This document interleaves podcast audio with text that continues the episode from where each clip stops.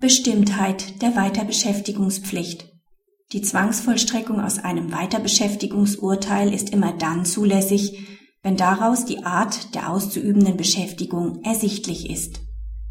Gegenstand des Verfahrens ist eine Verurteilung des Arbeitgebers zur Zahlung eines Zwangsgeldes auf der Grundlage einer rechtskräftig festgestellten Pflicht zur Weiterbeschäftigung des Arbeitnehmers.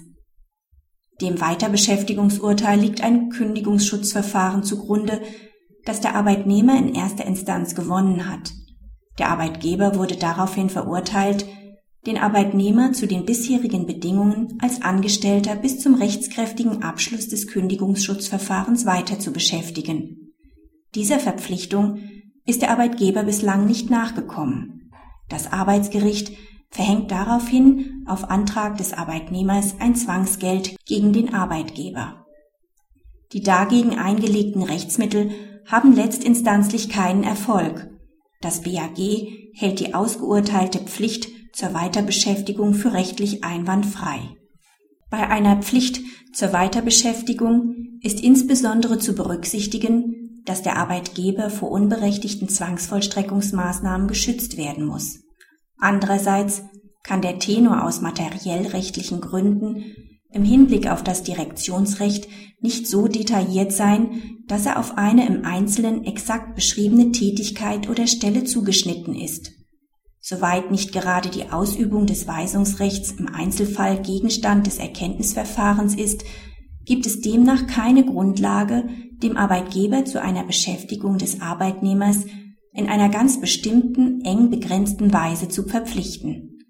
Um diesem Umstand gerecht zu werden, ist es erforderlich, aber auch ausreichend, wenn die Art der ausgeurteilten Beschäftigung aus dem Titel ersichtlich ist.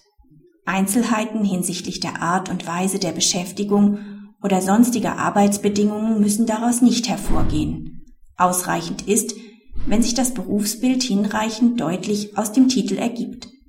Der Arbeitgeber ist dann so lange keinen Zwangsvollstreckungsmaßnahmen ausgesetzt, wie er den Arbeitnehmer in der ausgeurteilten Art und Weise beschäftigt.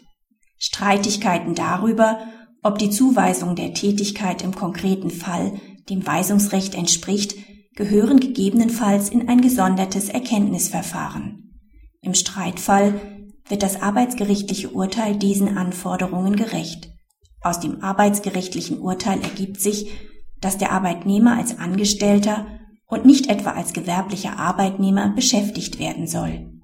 Die Entscheidungsgründe, die bei der Auslegung des Tenors mit zu berücksichtigen sind, lassen erkennen, dass diese Beschäftigung im technischen Bereich einschließlich der konzeptionellen Erstellung von Schulungsunterlagen zu erfolgen hat. Damit liegt eine hinreichende Bestimmung der geschuldeten Tätigkeit vor.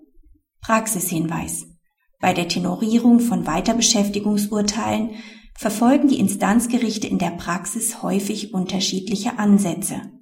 Enthält der Arbeitsvertrag einen ausdrücklichen Versetzungsvorbehalt, wird in den Tenor häufig der Zusatz oder in vergleichbarer Position aufgenommen. Ob dies vor dem Hintergrund der vorliegenden Entscheidung noch erforderlich ist, scheint zweifelhaft, denn damit kann gerade der vom BAG für das Vollstreckungsverfahren abgelehnte Streit provoziert werden, ob die Weiterbeschäftigung dem Direktionsrecht entspricht